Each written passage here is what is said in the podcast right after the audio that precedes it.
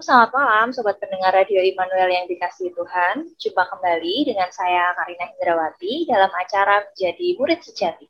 Suatu pelajaran firman Tuhan yang akan menolong kita untuk mengerti bagaimana menjadi seorang murid Kristus yang sejati. Acara ini dipersembahkan oleh Perkata Solo di Radio Immanuel 94.3 FM Solo pada setiap hari Senin malam pukul 20.00 sampai 21.00 waktu Indonesia Barat. Pada malam ini, Senin 14 November 2022, telah hadir bersama saya narasumber kita, Mas Hinda Febian Egatama yang akan menolong kita untuk bersama belajar prinsip kebenaran firman Tuhan dengan tema kerinduan untuk belajar. Nah, saya mau sapa dulu nih Mas Ega. Selamat malam Mas Ega. Selamat malam Mbak Karin. Nah, Mas Ega, minggu lalu kan Mas Ari Iman ini sudah menjelaskan tentang sikap bertanggung jawab ya, dan bagaimana sikap itu ditunjukkan dalam kehidupan sehari-hari. Tapi kali ini uh, saya ada pertanyaan menarik nih Mas. Sebenarnya apa sih Mas kaitan antara pribadi yang bertanggung jawab dengan kerinduan untuk belajar? Ya, terima kasih Mbak Karin. Jadi eh, apa ya kaitan antara pribadi yang bertanggung jawab dengan kerinduan untuk belajar? Ya, sobat pendengar yang dikasihi Tuhan, kita sebagai orang percaya mestinya memiliki sikap ya, memiliki sikap bertanggung jawab.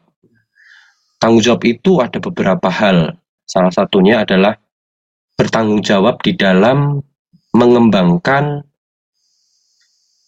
uh, anugerah ya yang Tuhan uh, karuniakan kepada kita ya.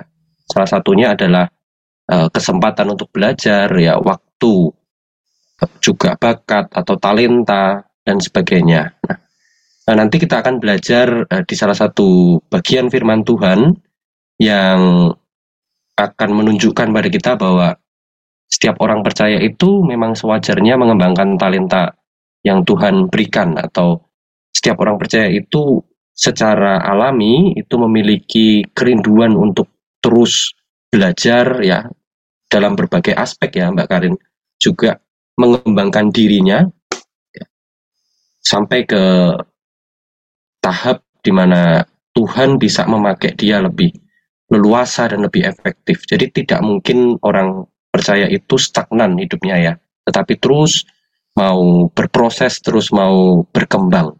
Nah itu bagian dari tanggung jawab kita sebagai orang percaya Mbak Karin. Oke, tadi Mas Ega uh, sedikit menjelaskan ya kaitannya antara bertanggung jawab atau pribadi yang bertanggung jawab dengan kerinduan untuk belajar. Nah, kalau dari perspektif firman Tuhan itu bagaimana ya, Mas, terkait dengan kerinduan untuk belajar? Ya, oke. Okay. Terima kasih, Mbak Karin. Jadi, uh, firman Tuhan sendiri berbicara mengenai kerinduan untuk belajar atau kalau kita berbicara lebih luas itu self development ya, pengembangan diri. Itu kita bisa melihat Uh, yang pertama dari Lukas 2 ayat 52. Lukas 2 ayat 52. Saya akan bacakan. Dan Yesus makin bertambah besar dan bertambah hikmatnya dan besarnya dan makin dikasihi oleh Allah dan manusia.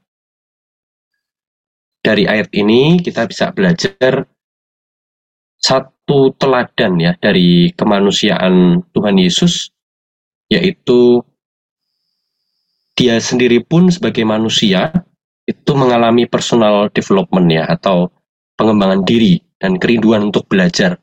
Ya, saya pikir kita semua tahu bahwa Tuhan Yesus uh, juga mengalami proses di mana dia dididik secara Yahudi ya, lalu di Bait Allah juga belajar firman Tuhan ya walaupun pribadi dia sendiri sebenarnya adalah firman Tuhan ya, tetapi secara manusiawi Tuhan Yesus pun mengalami proses-proses pengembangan diri itu. Ya.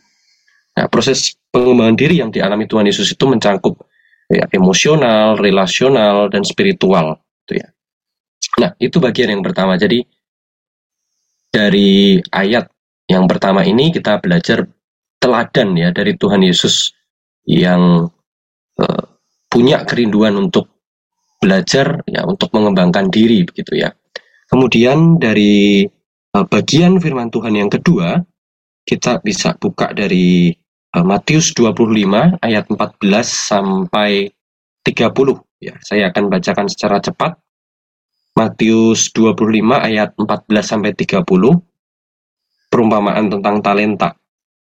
Sebab hal kerajaan surga sama seperti seorang yang mau berpergian ke luar negeri yang memanggil hamba-hambanya dan mempercayakan hartanya kepada mereka.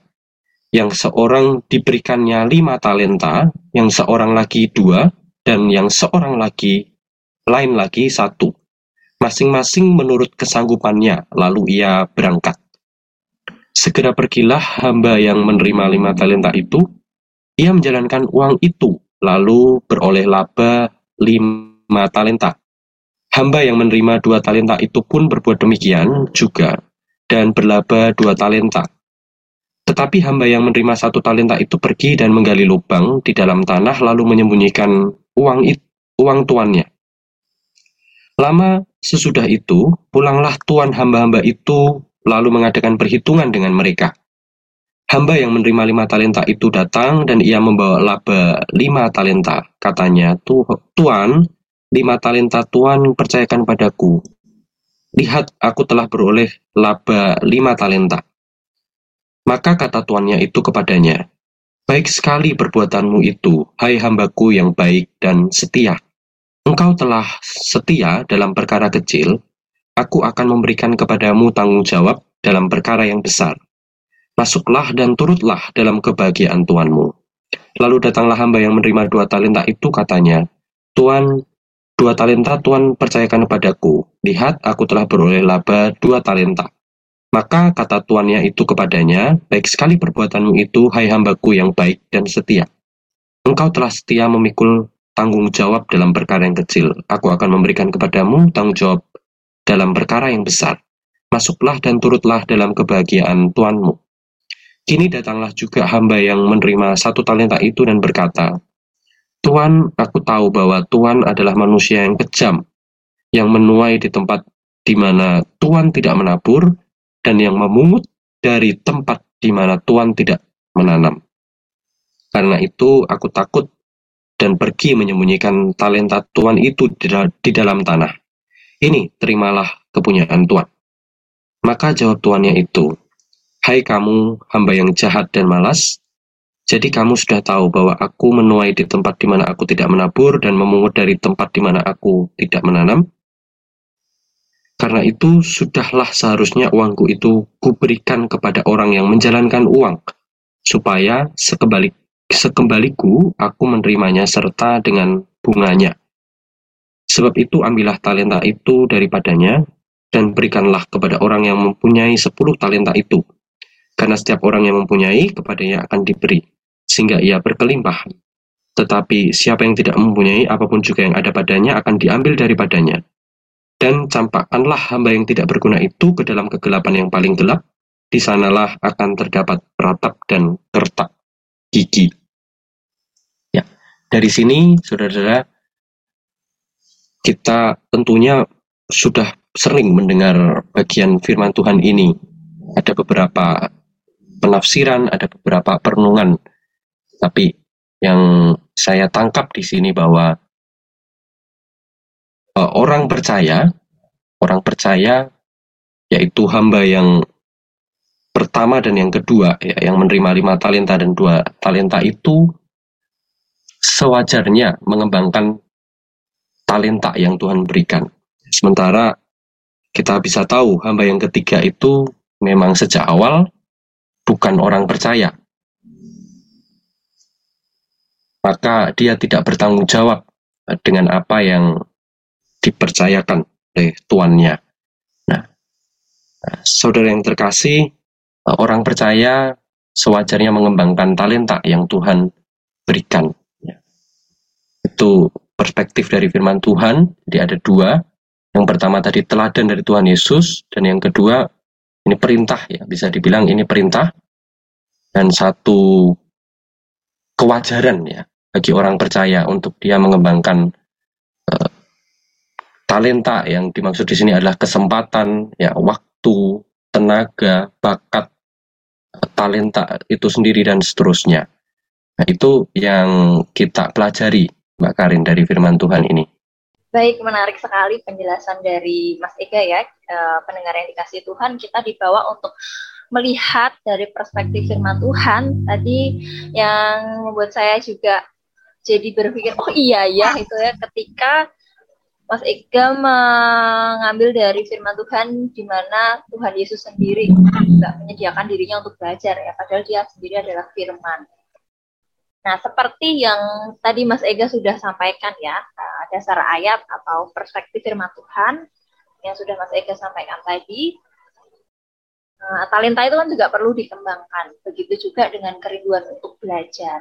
Nah, tapi banyak orang yang masih bingung nih Mas untuk mengembangkannya caranya gimana sih gitu. Mengembangkan uh, sikap untuk rindu belajar itu.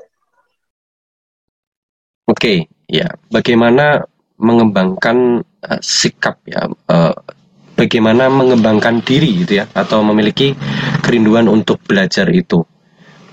Uh, yang pertama yang mau saya bagikan adalah kita perlu membangun sikap. Ya, ada beberapa sikap yang perlu kita bangun, saudara-saudara yang terkasih. Yang pertama adalah kesediaan untuk mau belajar atau mencoba. Ya, kesediaan untuk mau belajar dan mencoba hal baru, yaitu hal yang ingin kita pelajari. Ya, ketika kita memiliki kesediaan itu, ya, ketika kita punya keinginan untuk belajar hal baru, ya, eh, ketika itulah kita sedang istilahnya menabur ya, kita sedang menabur dan mulai menumbuhkan eh, self development itu atau pengembangan diri itu. Ini titik pertama dari kita memiliki kerinduan untuk belajar itu. Jadi yang pertama adalah menyediakan diri untuk mau belajar, punya sikap, oh ya saya perlu belajar nih, saya perlu belajar, saya saya harus belajar, saya tidak mungkin untuk tidak belajar ya. Juga, oh saya mau mencoba hal baru, apa ya yang belum saya bisa, saya ingin mencoba hal itu. Nah ini tidak mudah ya bagi beberapa orang, mungkin bagi uh, beberapa orang, uh, sebagian orang yang uh, apa namanya suka tantangan gitu ya ini menarik itu ini ini mudah ya terlihat mudah ya kesediaan untuk belajar. Tapi bagi beberapa orang yang ya cenderung kurang menyukai tantangan dan sebagainya mungkin uh, perlu perjuangan ya, perlu perjuangan untuk menyediakan diri belajar. Jadi ini sikap pertama yang perlu kita perjuangkan gitu ya. Yang kedua adalah haus untuk belajar dan rendah hati untuk diajar kalau kita sudah menyediakan diri untuk belajar, kita perlu membangun sikap yang haus. Haus itu artinya tidak cepat puas dan bahkan tidak pernah puas ya, tidak pernah uh, merasa sampai di titik akhir ya ketika belajar itu. Karena semakin belajar, biasanya orang semakin uh, merasa, wah aku kurang kurang tahu nih di bagian ini ya, aku kurang terampil di bagian ini. Harus ada yang masih aku kembangkan gitu ya. Jadi haus untuk belajar, haus untuk improve ya, terus mengembangkan, mengembangkan ya ke, ke level yang lebih tinggi, ke level yang lebih tinggi atau kalau belajar sesuatu eh, sampai ke kedalaman-kedalaman yang lebih ya. Tidak stagnan intinya begitu. Terus uh, dinamis ya. Terus mencari tahu ya. Juga rendah hati ya untuk diajar. Ini juga sangat penting menurut saya rendah hati itu. Kadang beberapa orang yang sedang mempelajari sesuatu bisa terhambat ya bisa terhambat proses belajarnya kalau orang ini memiliki sifat apa ya uh, angkuh ya tinggi hati atau merasa oh aku lebih bisa kok daripada dia gitu. Nah mestinya ini tidak dimiliki ya oleh orang percaya ya. Orang percaya mestinya rendah hati untuk diajar. Artinya dia mau belajar dari siapa pun, dari kondisi apa pun dan di mana pun.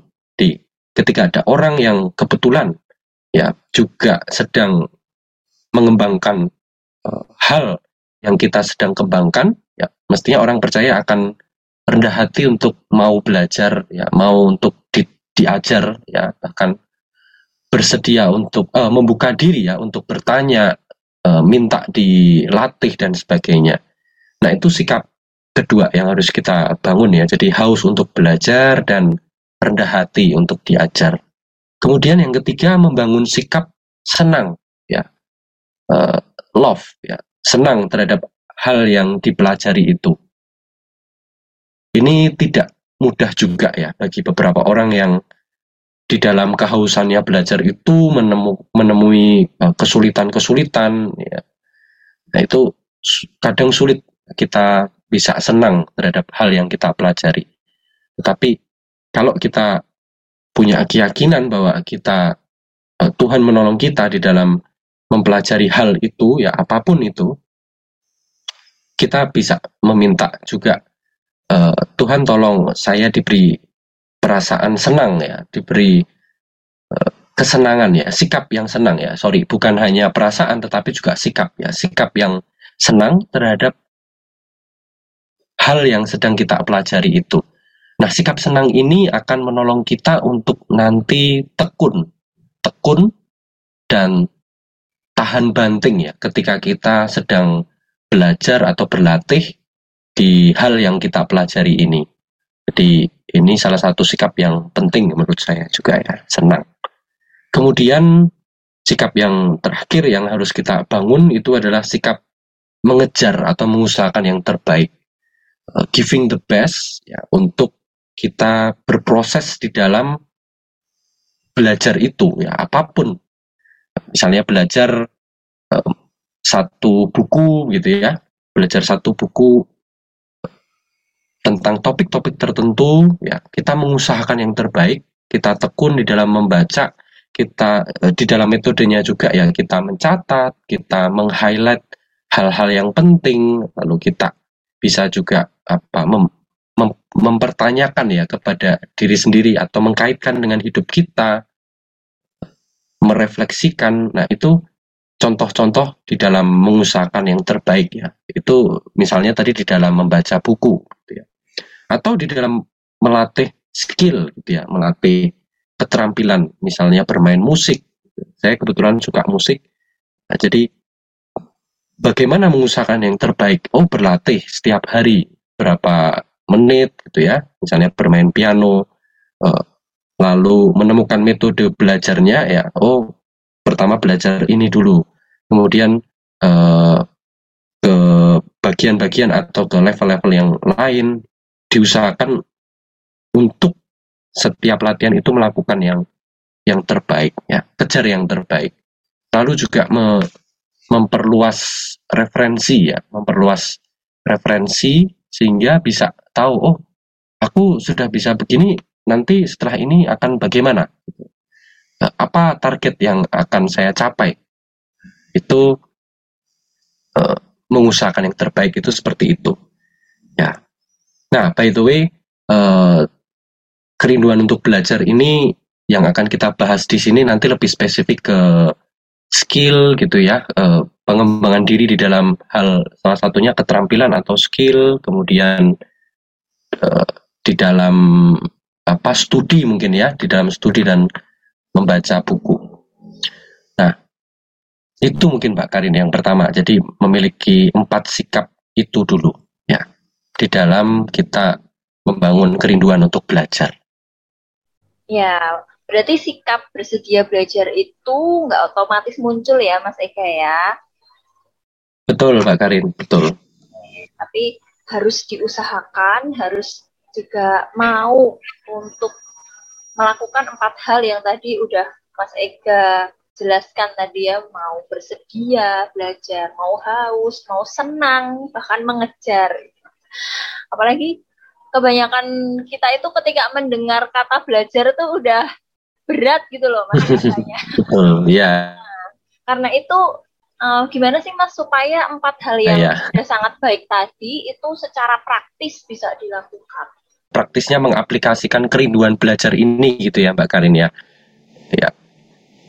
Setelah kita membangun sikap ya empat sikap tadi ya saudaraku yang terkasih beberapa hal praktis ini bisa kita lakukan ya. Jadi ketika saudara sedang punya kerinduan untuk belajar sesuatu ya mengembangkan uh, skill mungkin atau belajar dari satu buku atau belajar di subjek atau apa namanya ya bidang yang memang saudara tekuni ya misalnya di jurusan ya yang uh, saudara-saudara sedang berkuliah di sana dan sebagainya. Nah beberapa hal praktis ini bisa dilakukan. Ya. Tentunya dengan uh, sikap-sikap yang sudah dibangun tadi ya. Yang pertama adalah mendoakan. Ya mendoakan artinya menyerahkan kepada Tuhan meminta uh, Tuhan sendiri menolong kita di dalam belajar mem mempelajari sesuatu itu itu ya. Jadi doa ini bagian yang sangat penting ya yang terpenting bahkan ya karena doa ini menyatakan penyerahan diri kita untuk mau belajar tapi juga kebergantungan kita pada Allah supaya dia menolong kita di dalam mempelajari satu hal ini. Ya, misalnya belajar musik begitu ya. Uh, Tuhan saya tahu engkau menganugerahkan pada saya bakat untuk bermusik. Tuhan tolong, saya mau menyerahkan diri untuk belajar ya mengembangkan talenta yang Tuhan uh, berikan dan mem memohon pertolonganmu sendiri untuk saya bisa belajar dengan dan berlatih dengan baik. Di yang pertama adalah doa. Doa ini menunjukkan sekali lagi penyerahan dan kebergantungan kita pada Tuhan untuk kita belajar. Ya, apa pun ya di di hal dan aspek apa pun di dalam hidup kita. Ya. Kemudian yang kedua adalah menyediakan waktu untuk belajar. Jadi kita harus juga realistis ya. Kalau kita pengen belajar sesuatu ya kita harus membuat jadwal ya, membuat jadwal untuk belajar.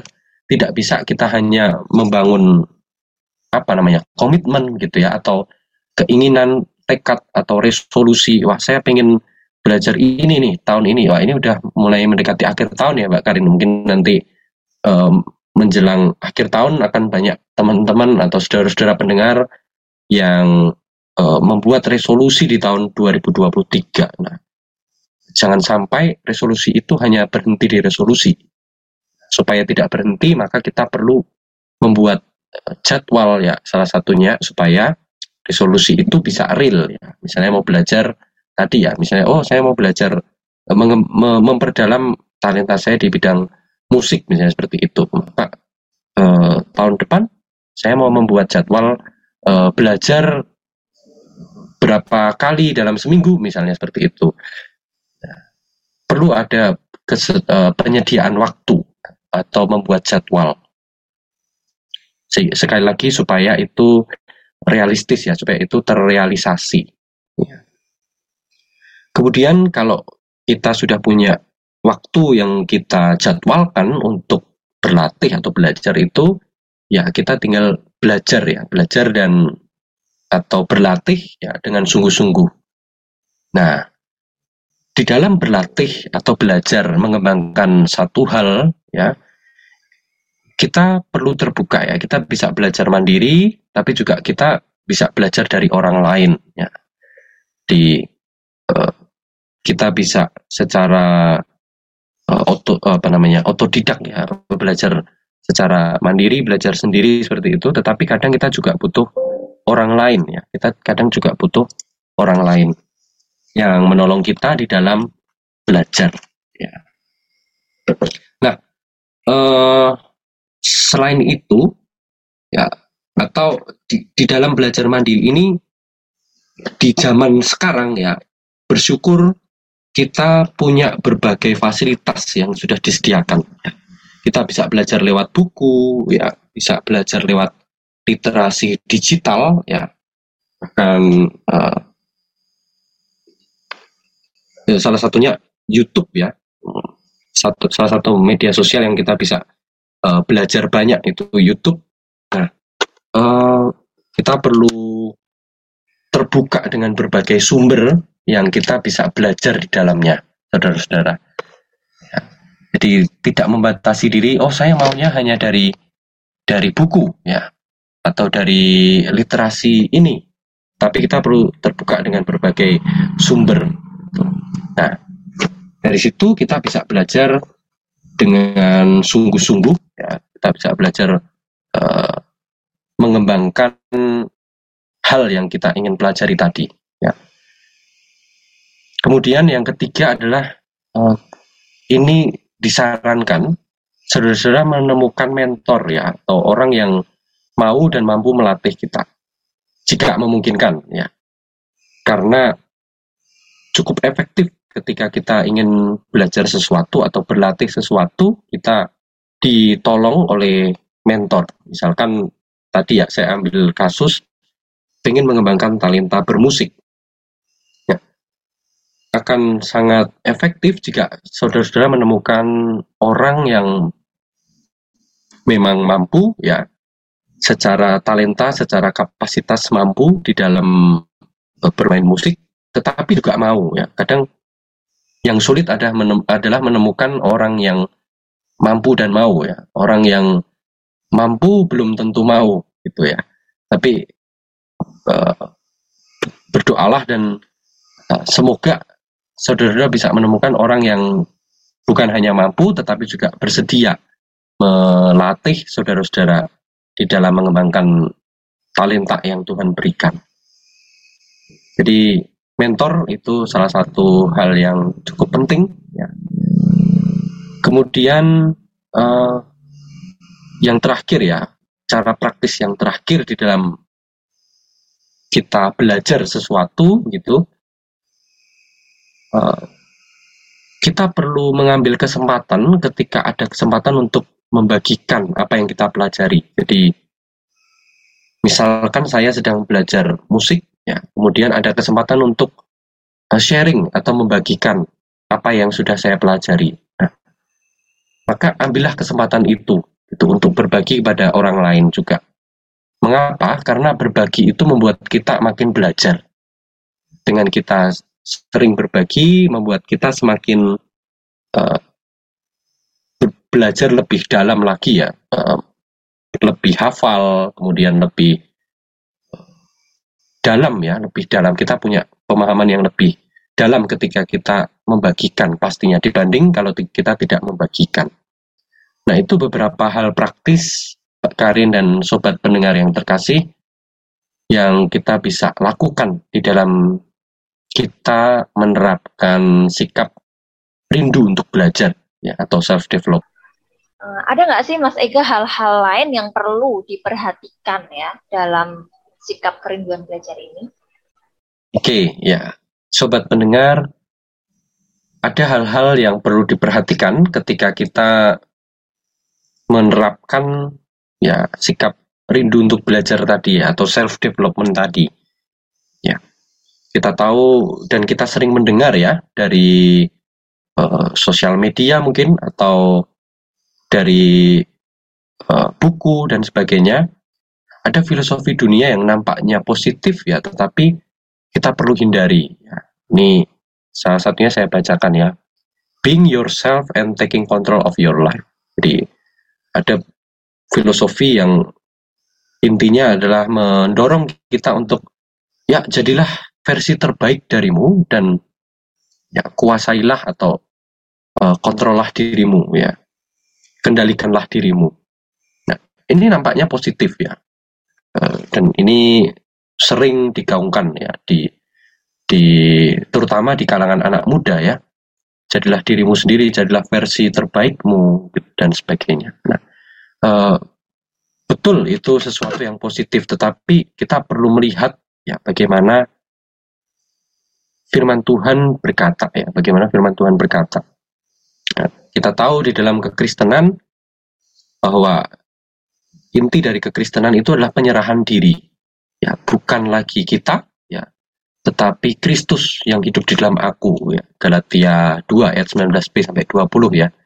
Jadi kekristenan itulah tentang penyerahan diri, ya bukan bukan lagi tentang aku, tetapi tentang Kristus. Artinya apa? Di dalam kita menerapkan sikap kerinduan belajar ini, yang pertama adalah kita tidak boleh menerapkan itu uh, dengan berpusat pada diri kita sendiri. Ya, kita tidak tidak boleh memusatkan kerinduan untuk belajar itu hanya demi memenuhi kepuasan diri, kesenangan diri, atau kebanggaan diri kita sendiri. Itu yang uh, cukup rawan ya, sobat pendengar ya. Kadang, oh saya mau bermusik kok, oh, supaya apa? Oh supaya saya terlihat keren, ya, supaya saya terlihat apa namanya, atau bisa bergaul dengan banyak orang gitu ya.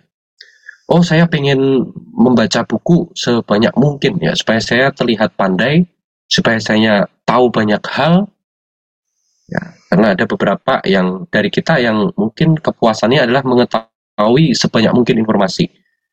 Nah, dan lain-lain ya. Ada banyak sekali bentuk di mana kita nampaknya mengembangkan diri nampaknya kita rindu untuk belajar tetapi motivasinya adalah berpusat pada diri kita sendiri. Nah, ini yang perlu kita hindari. Ya.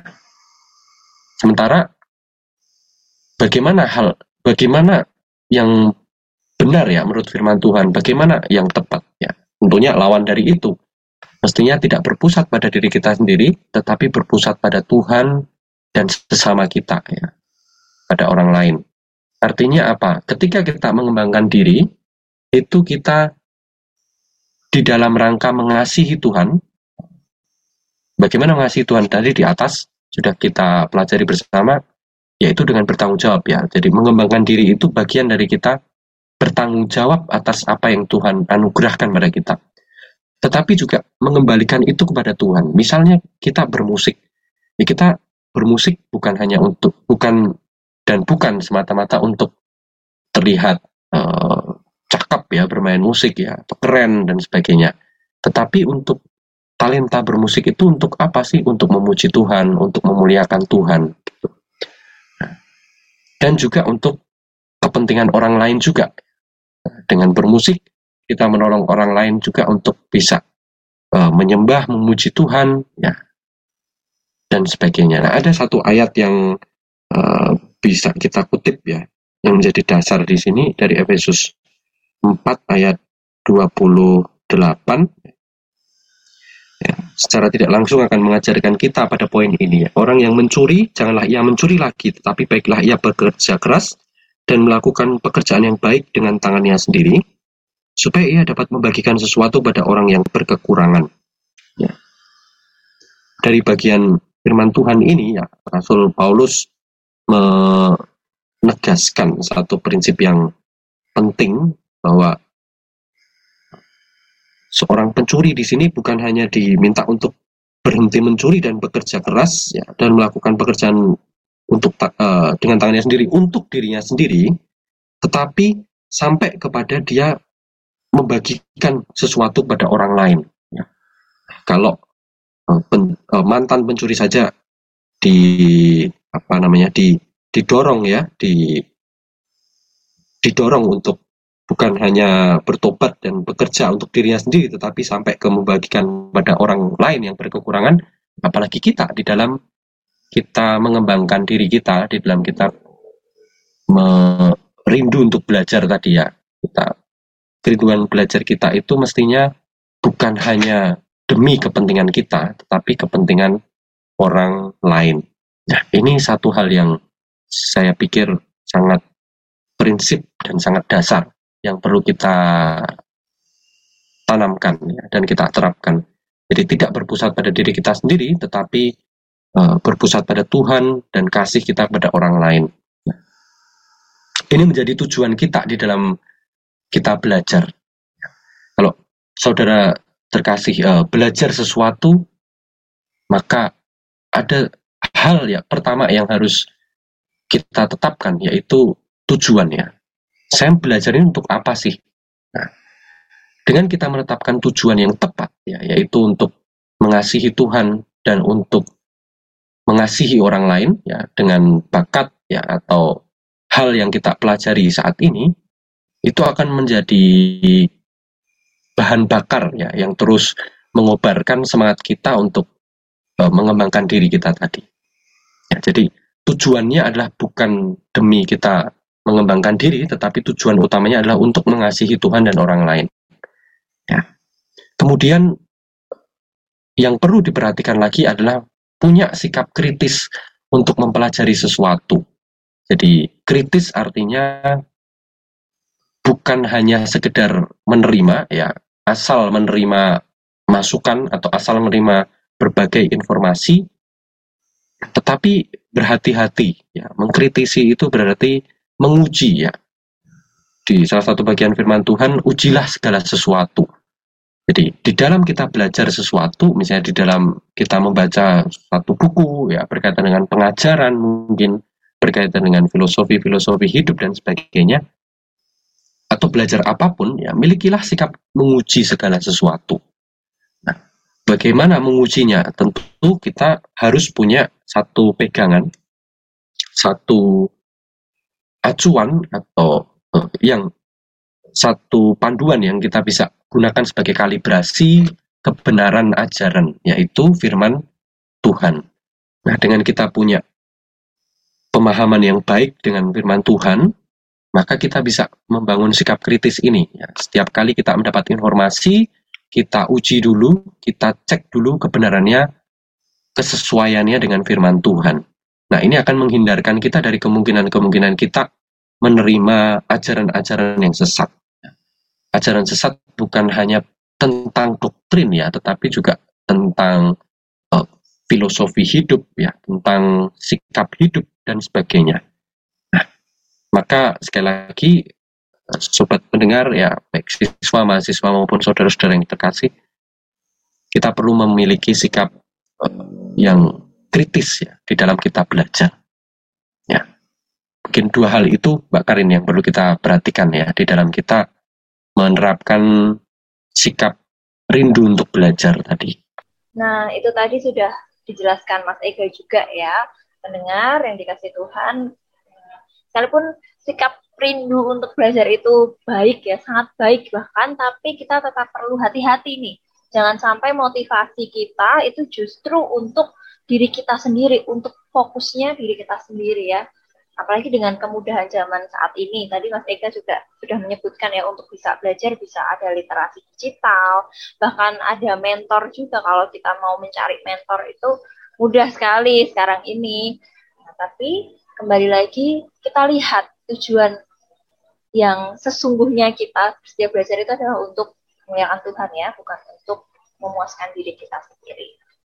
Nah, Mas Ega, terus apa sih Mas pentingnya memiliki kerinduan belajar? Kalau tadi kan Mas Ega sudah menjelaskan ya caranya untuk bisa memiliki kerinduan belajar itu bagaimana, terus uh, apa sih tujuan yang benar dalam kerinduan belajar itu. Nah, sekarang ini ke manfaatnya ya. Kenapa kita perlu memiliki sikap untuk kredit belajar. Ya, apa manfaat dari kita punya sikap kerinduan untuk belajar ya? Sudah yang terkasih, seperti tadi kita bahas di awal bahwa kerinduan untuk belajar ini adalah salah satu bentuk dari kita bertanggung jawab kepada Tuhan. Jadi ini adalah bagian dari uh, kita bertanggung jawab ya atas kehidupan, kesempatan yang Tuhan berikan pada kita. Kita mengembangkan uh, diri kita, kita belajar hal-hal yang membuat kita makin efektif dipakai untuk melayani Tuhan. Jadi yang pertama saya rasa itu ya yang pertama saya uh, uh, adalah bahwa ini menjadi bentuk dari kita bertanggung jawab ya kepada Tuhan. Kemudian yang kedua tentu dari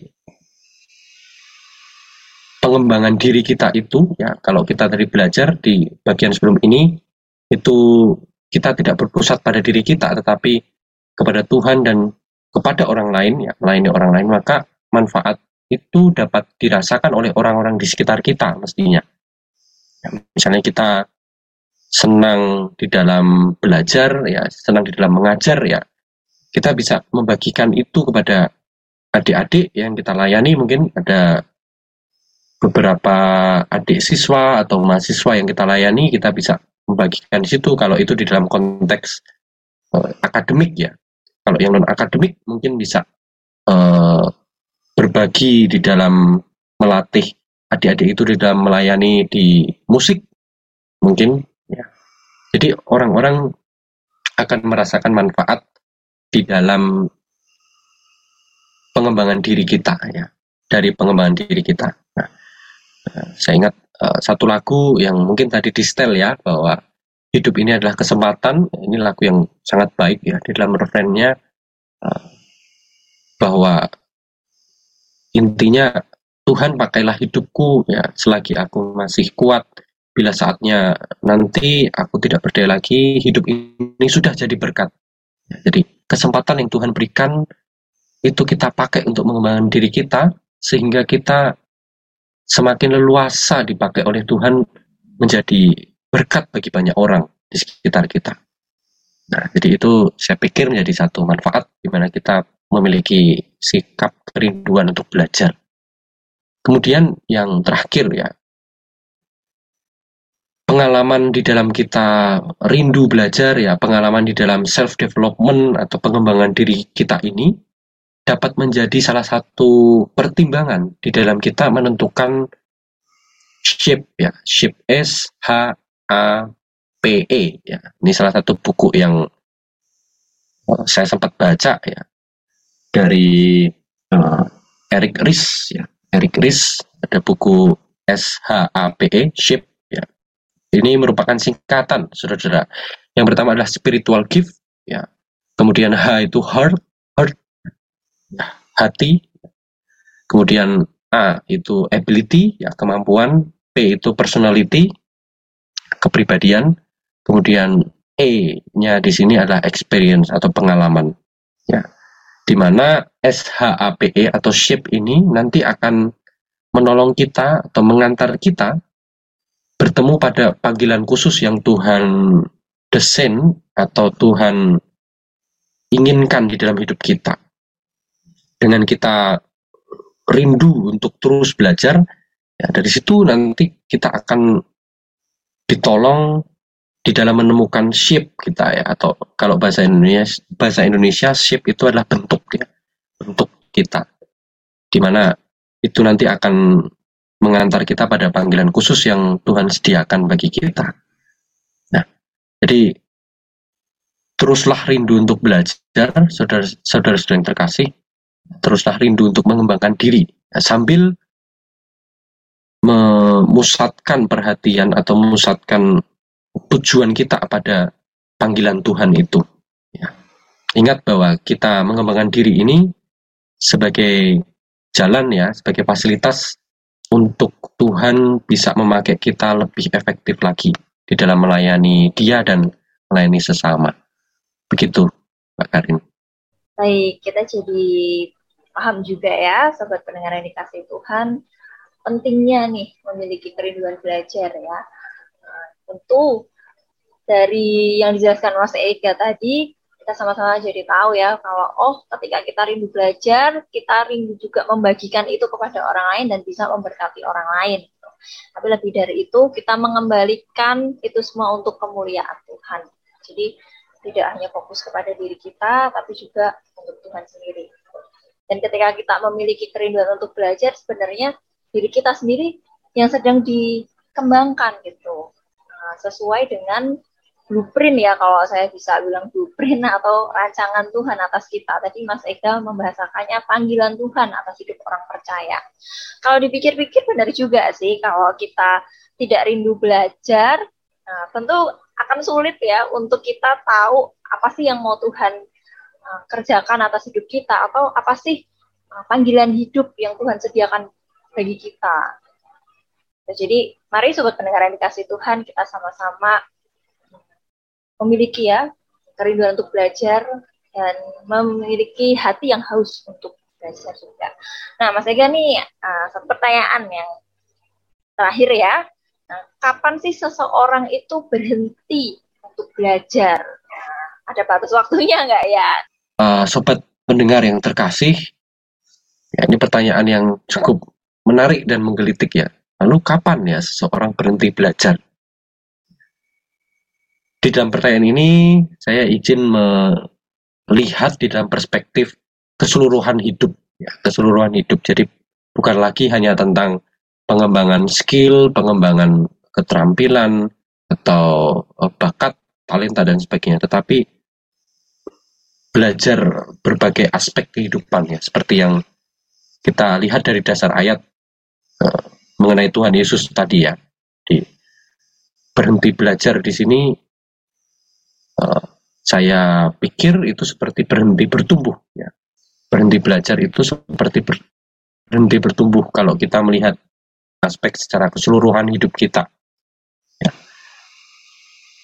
Nah, mengapa demikian ya? Karena kita tahu orang yang hidup itu tandanya salah satunya adalah bertumbuh. Nah, pertumbuhan itu tidak ada batasnya ya, pertumbuhan itu tidak ada batasnya.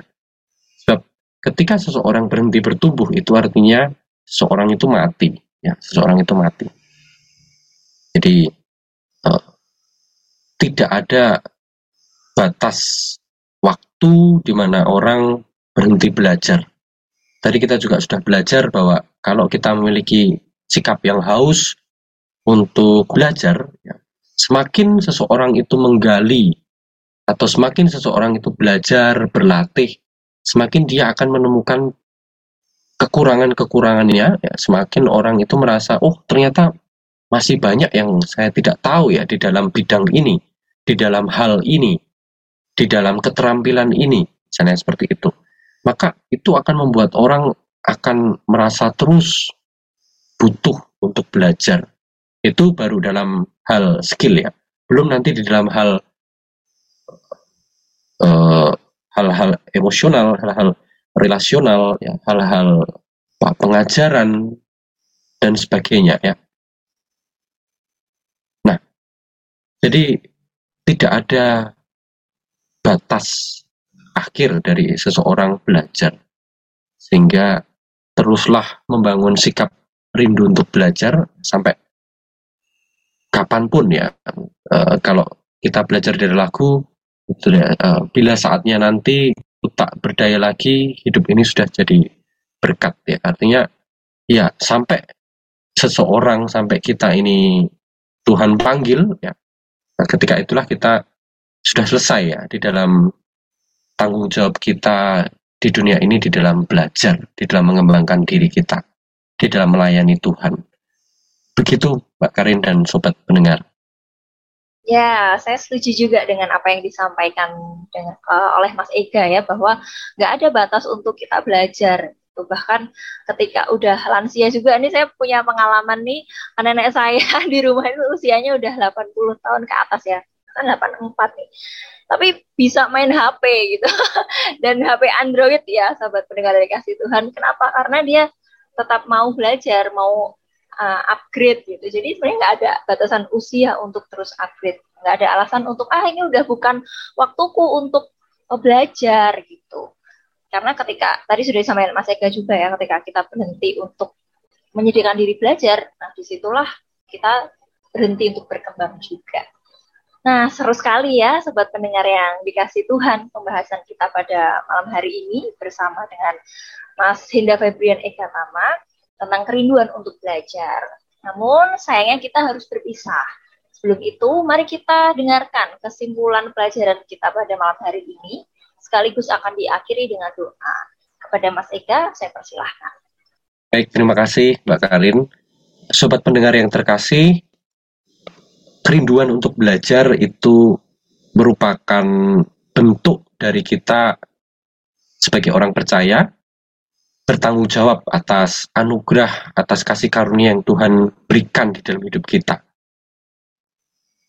Maka di dalam mengembangkan diri kita, ya di dalam kita rindu untuk belajar itu, kita perlu memusatkan tujuan kita di dalam mengembangkan diri kita itu bukan semata-mata untuk kepentingan kita, tetapi untuk mengasihi Tuhan dan mengasihi orang lain beberapa sikap perlu kita bangun di dalam mengembangkan kerinduan untuk belajar kerinduan untuk belajar ini yaitu ya, kesediaan untuk belajar, haus, ya senang juga mengejar yang terbaik.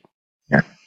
Lalu kita juga perlu memastikan supaya kerinduan belajar kita ini bukan hanya sekedar wacana, tetapi sesuatu yang real dilakukan. Maka perlu penerapan-penerapan praktis yang tadi kita sudah pelajari juga. Ya. Bagian akhir bahwa kerinduan untuk belajar ini dan pengalaman di dalam belajar ini akan menuntun kita dan mengantar kita pada panggilan khusus Tuhan ya ketika nanti kita mempergumulkan panggilan khusus Tuhan. Jadi mari kita bersungguh-sungguh ya bertanggung jawab di dalam kita mengembangkan diri kita punya kehausan dan kerinduan selalu untuk belajar apa pun yang Tuhan arahkan untuk kita belajar. Terima kasih Mas Eka dan demikian sobat pendengar yang dikasih Tuhan, siaran menjadi murid sejati hari ini. Jangan lupa untuk terus mendengarkan siaran radio Immanuel menjadi murid sejati. Kita akan berjumpa lagi minggu depan tetap di hari dan gelombang yang sama. Selamat malam, Tuhan Yesus memberkati.